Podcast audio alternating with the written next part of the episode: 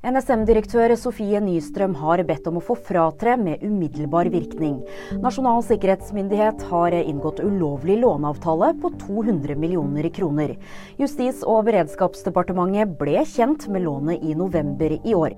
Direktøren for NSM har som sagt i dag bedt om å fratre sin stilling. Det mener jeg er en riktig beslutning gitt sakens alvor. Folk kaster stadig mindre søppel her til lands. Ikke siden 2010 så har det blitt kastet så lite husholdningsavfall som i fjor. Det viser tall fra Statistisk sentralbyrå. Og i 2022 så ble det produsert 12,1 millioner tonn avfall i Norge. Per-Mathias Høgmo er klar for japansk storklubb. Den norske fotballtreneren bytter dermed ut svenske Hekken til fordel for Urava Red Diamonds.